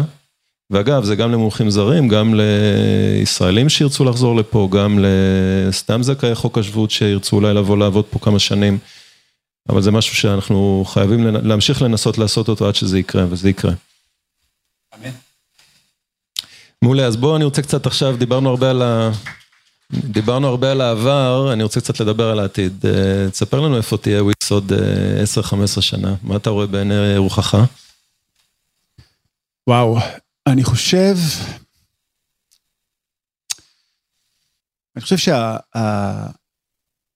התופעות שאנחנו רואים, ואני חושב שראינו ביתר סט ובאקסלרציה לא קטנה בשנתיים האחרונות בגלל הקורונה, בגלל שאנשים לא הייתה ברירה, זה מעבר יותר ויותר עמוק לפעילות מסחרית ועסקית באינטרנט. כשחושבים על זה, כשאנחנו התחלנו את החברה, אתר אינטרנט היה דבר מאוד מאוד פשוט, היו בו כמה עמודים, תמונות, טקסט, אולי embed מיוטיוב, וזה היה אתר מתקדם. היום אותו אתר צריך להיות עם מלא יכולות לעשות טרנזקציות, בין אם זה ממש למכור דברים ב, ב, ב, עם shopping cart, ובין אם זה לעשות scheduling uh, uh, ו appointments כאילו, ולקבוע תורים. אה, אה, ותקשורת בין בעל האתר ללקוחות הקיימים או הפוטנציאליים שמבקרים, ואחר כך לתת איזושהי שכבה של ניהול הלקוחות מאחורי, מאחורי הקלעים, כדי שתוכל לחזור אה, אליהם ולנהל אותם. זה נהיה עמוק ועמוק עוד ועוד. זה נהיה עמוק עוד, עוד ועוד ועוד, וכל מה שאמרתי היום זה דברים שבעבר, או לפני 15 שנה, היו קיימים, אבל היית צריך להיות עסק של מיליונים רבים של דולרים כדי להוציא שניים, שלושה מיליון דולר. ויש לך נגישות לזה, כן. כדי להגיע לנגישות ולחבר סיילספורס ולשלם למישהו שיבנה לך אתר במיליון דולר. והיום זה משהו שכל, שכל בעל עסק רוצה ש, שיהיה לו ומגיע לו. ליד זה יש עוד תופעה שהיא מאוד מעניינת של, נקרא לזה, מה זה מותג? אז מותג בשנות התשעים היה משהו שיש לחברות גדולות, לנייקי היה מותג ול, ול, ולקוקה קולה היה מותג. לא יודע, לפיצריה השכונתית אצלי בזה או במרכז המסחרי לא היה מותג. כולם הכירו אותם והלכו לשם כאילו אחרי הצופים. זה גם מותג. מותג מאוד מקומי. כן. והיום, במהלך שנות האלפיים, בגלל ההתקדמות של האינטרנט, הרבה מאוד בגלל הטלפונים וה, והמובייל שהפך את הכל להיות מאוד לוקאלי, פתאום אה, גם עסקים קטנים התחילו לבנות לעצמם מותגים. היום קורה משהו עוד יותר מתקדם, זה שאינדיבידואלים בונים לעצמם מותגים. כל התופעה הזאת של האינפלואנסרים באינסטגרם, מה זה? זה אנשים שמסתכלים על עצמם בתור business. כאילו, יצא לי לפני איזה כמה שנים לפגוש איזה מלצרית שאמרה לי, אה, כן, אני מאוד חזקה באינסטגרם. אמרתי, מה זה אומר? הראתה לי את האינסטגרם שלה, ומה אתה רואה, אני, אה, יש לי, לא יודע, 15 אלף עוקבים, ואני מרוויחה עשרת אלפים שקל בחודש מאינסטגרם. עכשיו, עשרת אלפים שקל בחודש לבחורה בת 19-20 זה אחלה כסף. אני לא מדבר עכשיו דוגמניות, כאילו top models, לא, לא. בן אדם רגיל. ו... ואז התחיל לדבר על איך, באיזה תדירות היא מעלה תמונות. איזה רמת חשיפה היא נותנת למותג שהיא משווקת בתמונות, כדי שזה ייתפס מצד אחד ולא ייעלם, אבל שזה לא יהיה מסחרי מדי. ואתה מבין שהיא בגיל 19-20 חושבת על עצמה בתור המותג, וחושבת על עצמה בתור עסק. ואני חושב שזו תופעה שהולכת ומתרחבת, בסדר? אני גם חושב, דרך אגב, שעכשיו, עם חלק מתופעות הלוואי של הקורונה, ושאנשים שלא רוצים לחזור לעבוד, למצוא ערוצים אחרים לאיך להרוויח כסף, ולחיות חיים הרבה יותר נעימים וחופשיים, אה, אה, אה, זו תופעה שגם הואצה בצורה מאוד משמעותית. ואני חושב שבתוך העולם הזה, בסוף צריך אה, פלטפורמות וכלים שמנגישות את זה ונותנות את זה, ל, ל, אה, אה, נותנות את זה לאנשים. וזה אני חושב אחד המקומות המרכזיים שוויקס משחקת בו, זה מגרש שאנחנו משחקים בו כבר המון המון שנים. ואני חושב שיש לנו פוטנציאל גדילה עצום על העניין הזה, לתת את זה עוד יותר פתוח. במקביל לזה, בסופו של דבר, האינטרנט עדיין רובו מאוכלס על ידי אה, תוכן תוכנה, אתרים, שלא, לא, לא, שנבנו על ידי מישהו עבור מישהו אחר. לא על ידי מישהו שבא ועשה בשביל עצמו. כי בסוף, אפילו אם אתה עסק מאוד מאוד קטן, המשאב הכי יקר שלך זה הזמן של עצמך, זה אתה. ומאוד מהר אתה אומר, את זה אני לא רוצה לעשות, אני רוצה לתת למישהו אחר לעשות בשבילי ואני אשלם על זה כסף. וזה החלק השני שבו אנחנו הולכים ומתפתחים ומתרחבים, להיות הפלטפורמה שמאפשרת לכל אחד, לא משנה מה רמת היכולות שלו, מי אני יודע, אני לא יודע כלום, אני רוצה ללחוץ כמה כפתורים ותייצרו לי אתר, דרך אני מין power user כזה ואני רוצה לעשות את זה בעצמי, ועד uh, אני full stack developer ואני רוצה בכלל לפתח אפליקציה, לא אתר. Uh, uh, ואנחנו רוצים להיות שם על כל ה range. אם תחשוב על כל ה... על כל ה-Cloud Services למיניהם, גם של מייקרוסופט וגם של, וגם גוגל וגם AWS, הם מספקים את כל הכוח התכנותי של הענן. אנחנו רוצים את השכבה האפליקטיבית מעל זה, שפשוט נותנת לכל אחד, לא משנה מה הרמה שלו, לשבת מעל ולייצר מה שהוא רוצה לייצר. ואני חושב שיש לנו הרבה מאוד עבודה לעשות, אבל, אבל, אבל זה אופק שאנחנו יודעים, יודעים לראות. נשמע לי מדהים, שיהיה בהצלחה. אה, אני רוצה לפתוח עכשיו את האפשרות לכם אה, לשאול שאלות. כן. שאני אחזור לטובת הקהל על השאלה, מה קרה שפתאום אנחנו סופרים יוניקורנים, איך פתאום צומחים פה יוניקורנים אה, בישראל ובקצב כל כך מהיר? אה, השנה כמעט כל שבוע אה, נולד יוניקורן חדש, 33 במספר. ניר, אתה רוצה להתייחס? כן, בכיף. אני, אני חושב, לא חושב שיש נקודה בזמן שקרה משהו. אני חושב שיש כמה גורמים משפיעים, וגם אני רוצה להציע הסתכלות אחרת על המציאות, אני אשאיר אותה רגע לסוף. אה, אני חושב שהחלום של שנות, תחילת שנות האלפיים של אקזיט, כמה שיותר מהר, כמה שיותר גדול, השתנה.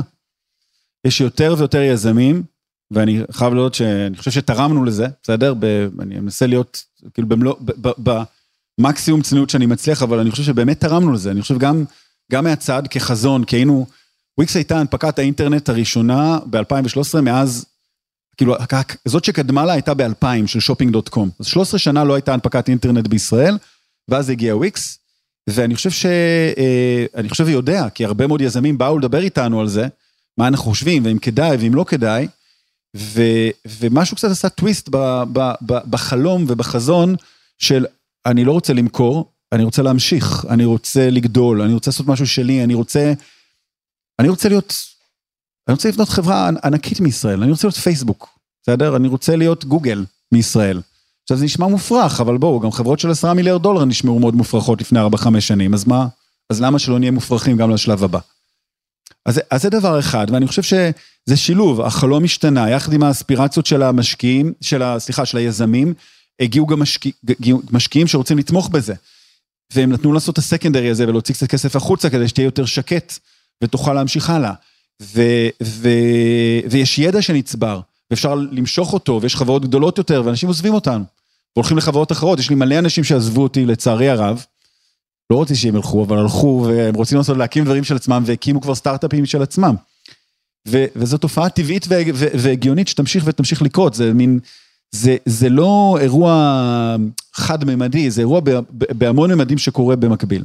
אני חושב, דרך אגב, שההסתכלות על יוניקורנים היא בעייתית, כי... השווים טסו לירח ואז הכל מבלבל, ועכשיו הם ירדו והכל עוד פעם מבלבל. מה, כל מי שירד, מישהי אמרה לי היום, איזה שכנה שלי אמרה לי, בואנה, כל הספאקים האלה זה על הפנים, הם כולם ירדו מאז ההנפקה. אמרתי לה, כן, אבל כמעט כל השוק ירד בחצי, בחצי שנה האחרונה, אז כאילו, מה זה אומר עליהם שהם ירדו מאז ההנפקה? אולי חלקם באמת חברות לא טובות, אבל חלקם אחלה, ויש להם הכנסות, והם תזרים מזומנים חיובי, מי אמר שהן לא טובות? בגלל שהמחיר מניה ירד? מחיר מניה הוא בכלל לא מדד, הוא, רק מדד למחיר המניה, באמיתי, בסדר? כשהרבה, דרך אגב, הבעיה הגדולה של ספאקים, שאין מספיק, הם, הם לא עושים הנפקה, אז אין מניות בחוץ. אין מניות, אז המשקיעים הגדולים לא יכולים לבנות פוזיציות, הם לא רוצים לבנות פוזיציות קטנות, והם לא, לא יטרחו בשביל פוזיציה קטנה, אז הם נשארים מחוץ למניה ולא קונים. לא קונים, המניה יורדת, בסדר? עכשיו, זו בעיה מבנית שבסופו של דבר אפשר לבנות, לפתור אותה. אבל אני חושב שמה שאולי צריך לעניין אותנו, זה להתחיל להגיד, איזה חברות הם יוניקורנים, או בדרך להיות יוניקורנים? בהכנסות, לא בשווי.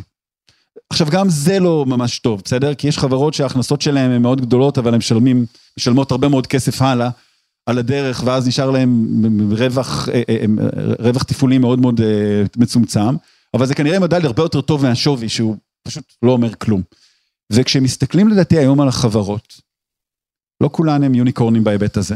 מעט מאוד חברות בישראל הגיעו להכנסות של מיליארד דולר וצפונה, אבל יש המון שמאוד ברור שהם בדרך לשם.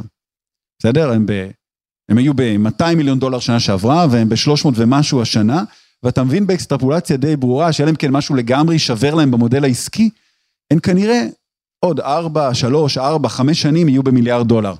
וזה באמת באמת מעניין.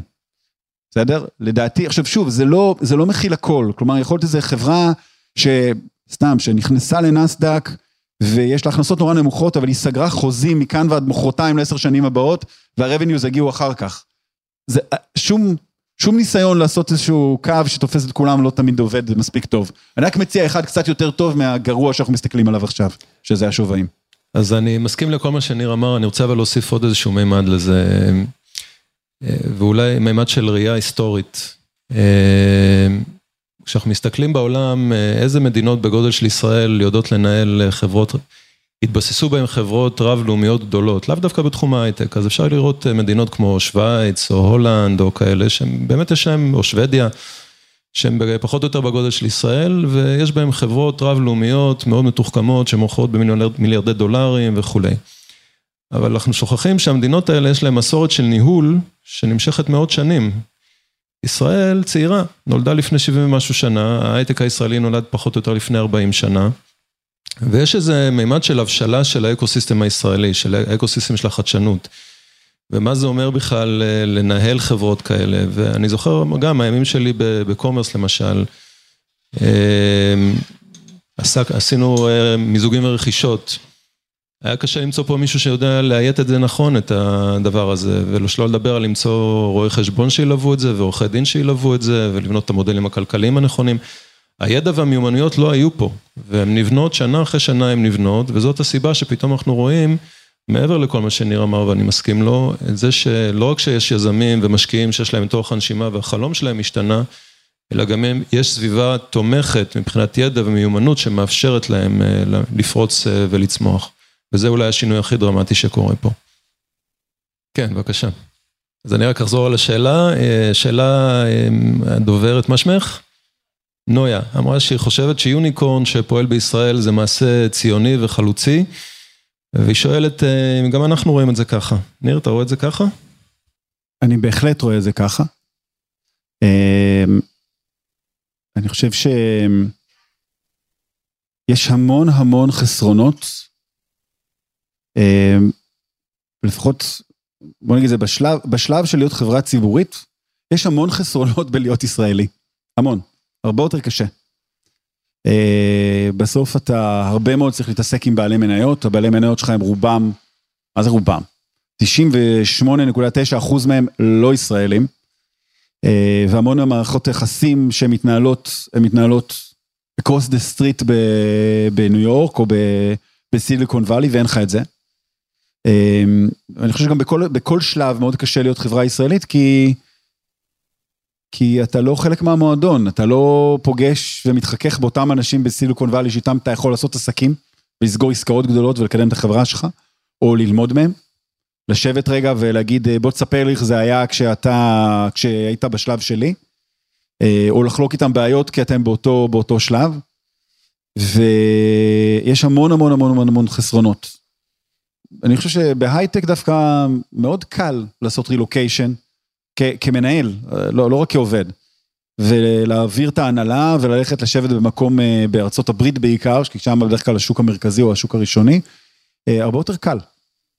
ואני חושב ש... שוב, זה לא שהיה לנו רע פה והחלטנו להישאר בכל זאת, כאילו עקצו אותנו יתושים וכמעט מתנו במלאריה, לא צריך לרחם עלינו. אבל, אבל היה לנו גם תפיסה מאוד ברורה שאנחנו אוהבים להיות חברה ישראלית, ואנחנו אוהבים להיות ישראלים, אנחנו מאמינים במקום, אנשים מאמינים באנשים, ואני גם חושב שעצם העובדה שיש היום שיחה, ואני אומר לכם שיש שיחה, שמתנהלת בין החברות האלה, החברות שצמחו, על איך אנחנו עושים את השלב הבא, איך אנחנו משתלבים בלעזור ולהיות חלק מ... התהליך הזה של כן לצמצם קצת את הפערים ולשלב יותר אנשים ולא לייצר תחושה של ניכור בין ההייטק לשאר האוכלוסייה בישראל, זה בגלל שלאנשים, לאנשים האלה מאוד מאוד אכפת. כן, אז ללא ספק זו החלטה ציונית וזה תורם לכולנו שהחברות האלה צומחות כאן. אבל אני מייחל היום שזה לא תהיה החלטה ציונית, שזאת תהיה החלטה עסקית הכי נכונה שאפשר לעשות, שיש פה באמת את האקוסיסטם הכי מפותח והכי טוב, שזאת תהיה החלטה עסקית טהורה, שהדבר הכי טוב זה להישאר ולצמוח בישראל. זה, אני חושב שזה החלום שלנו. כן, מאחורה בבקשה. לא, אתה צריך לחזור על השאלה. הייתה איך למדתי לעשות מה שאני עושה עכשיו, הכוונה מבחינה מקצועית? אז שאלה טובה, כי אני, ניסוי וטעייה בעיקר, אני חייב, תראו, אני לא באתי מרגע של הייטק, אחרי הצבא, הייתי כמעט שש שנים בצבא, כי הייתי בחובלים, ואני חושב שלמדתי לפקד ולנהל, ואני חושב שיש משהו, דרך אגב, בחיל הים ובספינות שהוא מאוד מזכיר הייטק, כי כשאתה יוצא עם ספינה לים, אתה מתרחק מהרציף ואז כל התמיכה שיש לך מהחוף ברמת אה, תפעול תקלות ותיקון ובעיות נעלמת, כי אתה רחוק מהחוף, וככל שתפליג רחוק יותר זה יתרחק ממך. אה, וכל האחריות מוטלת עליך. עכשיו, עליך זה... קצין מחלקה בסטיל הוא בחור, היום גם בחורה, בני 22, 21, זה לא איזה אנשים עם ניסיון עתיר בחיים, אחרי אקדמיה ימית שנמשכת בערך פחות משנתיים, בסדר? זה לימודים מאוד קצרים, מאוד אינטנסיביים, ואז טונה של אחריות. אמ, ואני חושב שזה מאוד אה, מלמד אותך לחשוב בצורה, בצורה הנכונה על פתרון בעיות, על אחריות, על זה שאחריות נעצרת אצלך ואין על מי לגלגל אותה. אה, וגם מה חשוב ומה לא חשוב, מה לתעדף, מתי לפתור, איזה בעיות לפתור מתי. אה, אז אני באתי מהרקע הזה, אחרי זה עבדתי בחינוך בכלל, וכשאבישי וגיג ביקשו ממני לבוא ולהצטרף לחברה, הם אמרו, תקשיב, תבוא בגלל ש... אתה יודע מאוד טוב לסדר דברים ולהניע אנשים לעשות, לפעולה. אלה, אלה, זה היה הבסיס. אה, ואני חושב שאולי החיסרון שלי לכאורה היה שבאתי, אה, החיסרון הגדול היה שבאתי בלי ניסיון לתפקיד מאוד משמעותי, אבל במידה רבה אני חושב שזה גם היה, שזה גם היה היתרון הגדול שלי, כי... כי לא יכולתי לקחת שום דבר כמובן מאליו, ולא יכולתי להתבסס כמעט בכלל על ניסיון עבר. הייתי צריך כל הזמן לשאול שאלות, וללכת ללמוד, וללכת לקרוא, ולנסות להבין, וזה משהו שעדיין יש לי, יש, אה, יש דבר שנקרא תסמונת המתחזה. אתם מכירים את זה? של עוד רגע יבוא מישהו ויגיד, אה, ילד, מה אתה עושה פה? נראה לך, אתה השתגעת? זה לא בשבילך הדברים האלה, תצא, תצא, תצא מהר. ו...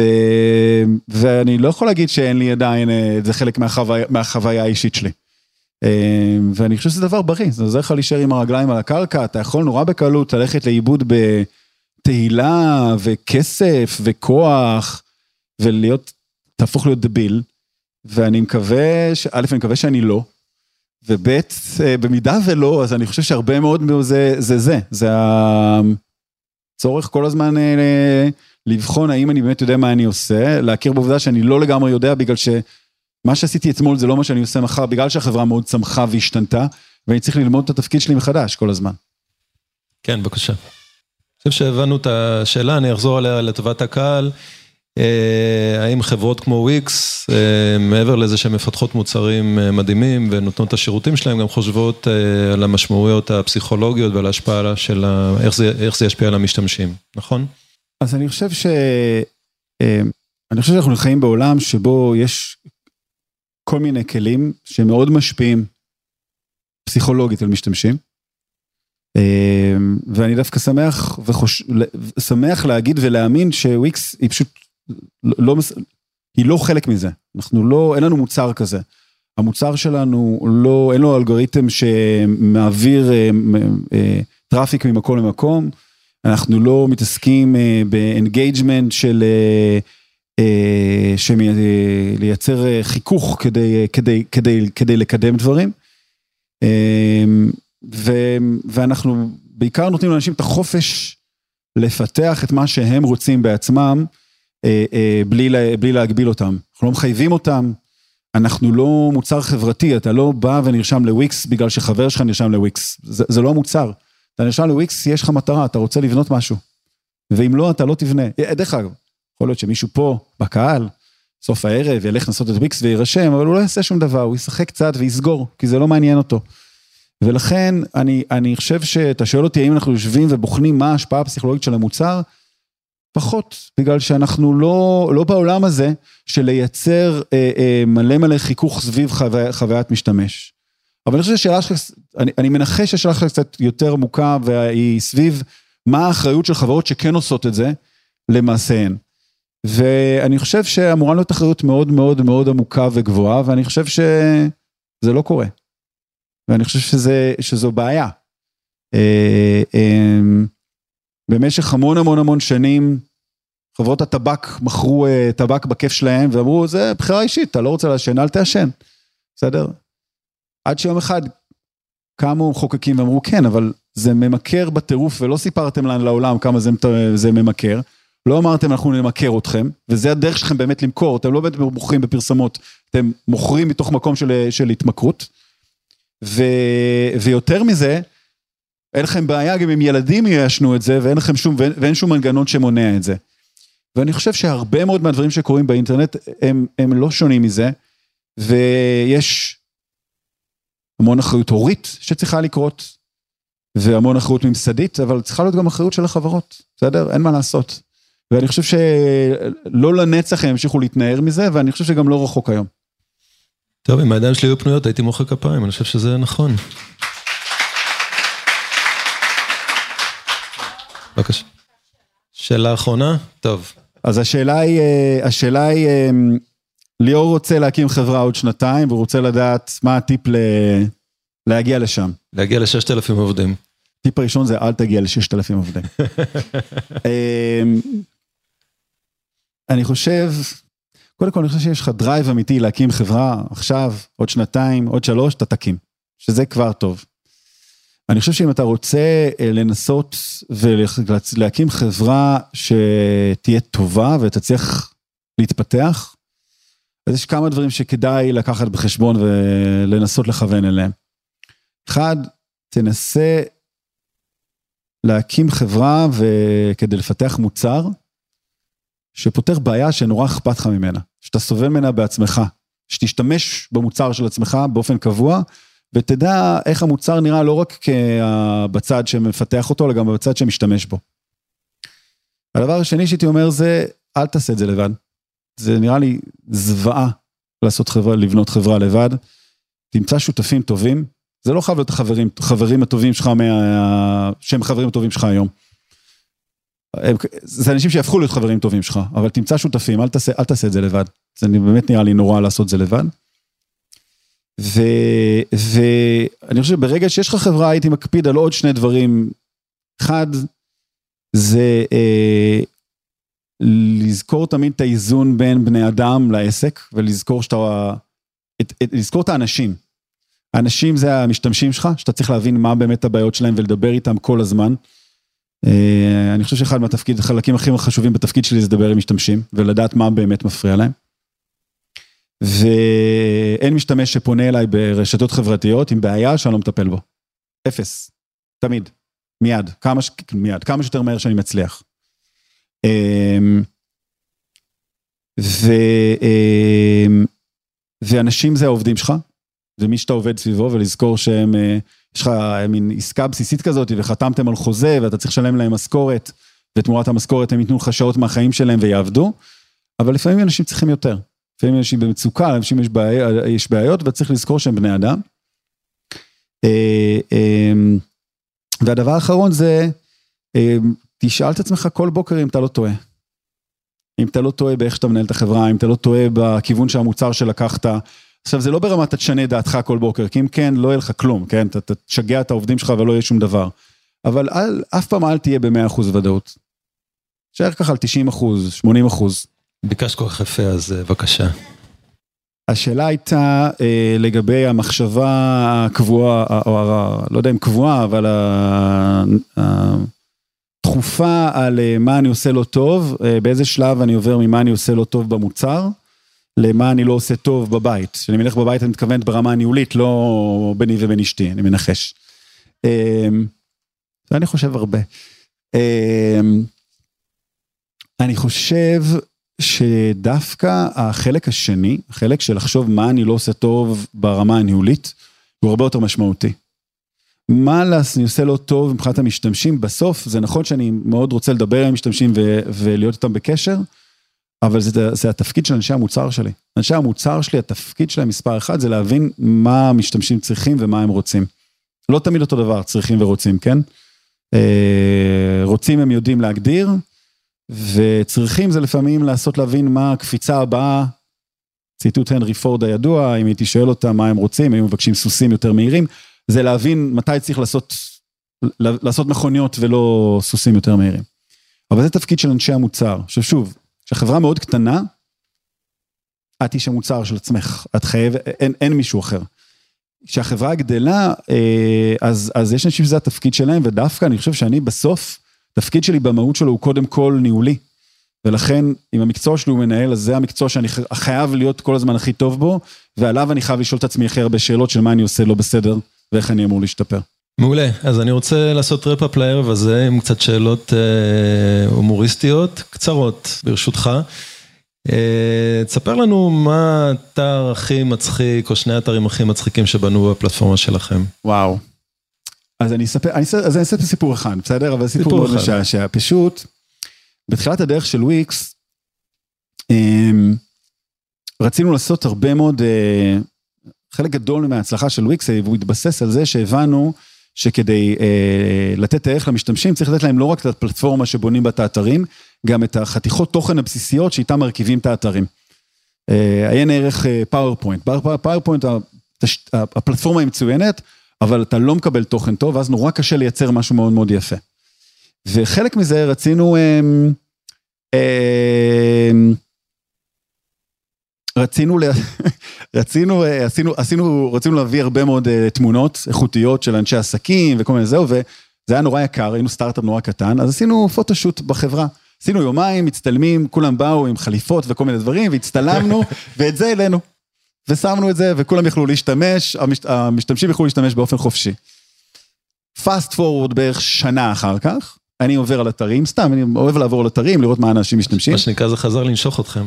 ואני פותח, ואני פותח אתר, ואני רואה בו תמונה כזאת של אבישי, המנכ"ל, לוחץ ידיים בזהו, כי זה מה, מהסטוק פוטו של עצמנו, רק שהאתר הוא אתר אה, שמפרסם בובות סיליקון.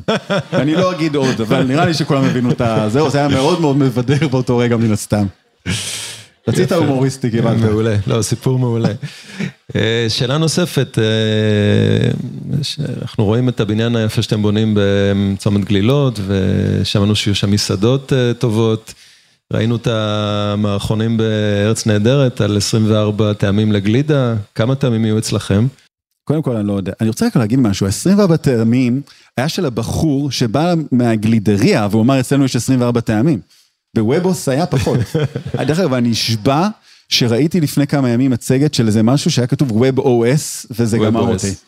אמ, אני לא יודע כמה טעמים גלידה יהיו, זה לא יהיה הדגש. אתה נקרא תמיד בין הרצון לעשות משהו נורא יפה, נורא איכותי, ולא להיות, אה, לראות לא כמו דביל, לא לנקר לא לראות כמו דביל עם כסף. אה, אנחנו עובדים על זה המון זמן, אנחנו, יש לנו צוות, מעבר לאדריכלים החיצוניים ששכרנו וכולי, יש לנו צוות פנימי לא קטן בכלל, אה, שמתעסק בזה כבר שנתיים עוד מעט, ועוד יש, ויש עוד זמן עבודה, על, על לייצר את האיזון הזה ועל לתת תחושה שהיא, שהיא לא מנקרת עיניים, שהיא עדיין קצת קשורה למקום שממנו באנו והמשרדים שאנחנו מאוהבים בהם בנמל תל אביב. אגב, אם היה לי ברירה, לא הייתי עוזב את נמל תל אביב. הייתי נשאר שם. אבל המקום קטן מלהכיל, ממזמן כבר. עכשיו הוא מכיל בכיף, כי כולם עובדים מהבית, אבל אני מאוד מקווה שזה ייגמר יום אחד. אמ, אז אנחנו מאוד נשתדל שזה לא יהיה דבילי, אבל אני בפירוש, אתם יודעים, בואו בוא נהיה אמיתיים, אנחנו מתחרים על עובדים. עם כל החברים שלי, אני, נורא, אני חבר נורא טוב שלהם, ואנחנו מתחרים על עובדים ועל כישרון בטירוף. אמ, וזה כלי משמעותי, להיות שהסביבת עבודה תהיה מאוד אטרקטיבית ומהנה. ובריאה ונעימה, זה חלק, חלק מאוד משמעותי בזה. אני חושב שהתברכנו בזה שיש אה, חברות היום בישראל שעושות כל כך הרבה למען העובדים שלהם. תחשבו לפני עשרות שנים, זה, זה כאילו עברנו בכלל פאזה לחלוטין. וכמו שאמרת קודם, אני מקווה שהמעגלים רק יתרחבו ועוד ועוד אנשים אה, יהיו חלק מההייטק וייהנו מכאלה תנאים, מכאלה משכורות וכולי. ניר, אני רוצה להודות מאוד, היית מראיין, מרואיין, סליחה, מרתק. הייתם אה, קהל נהדר, ותודה רבה לכולם. תודה רבה, לילה טוב.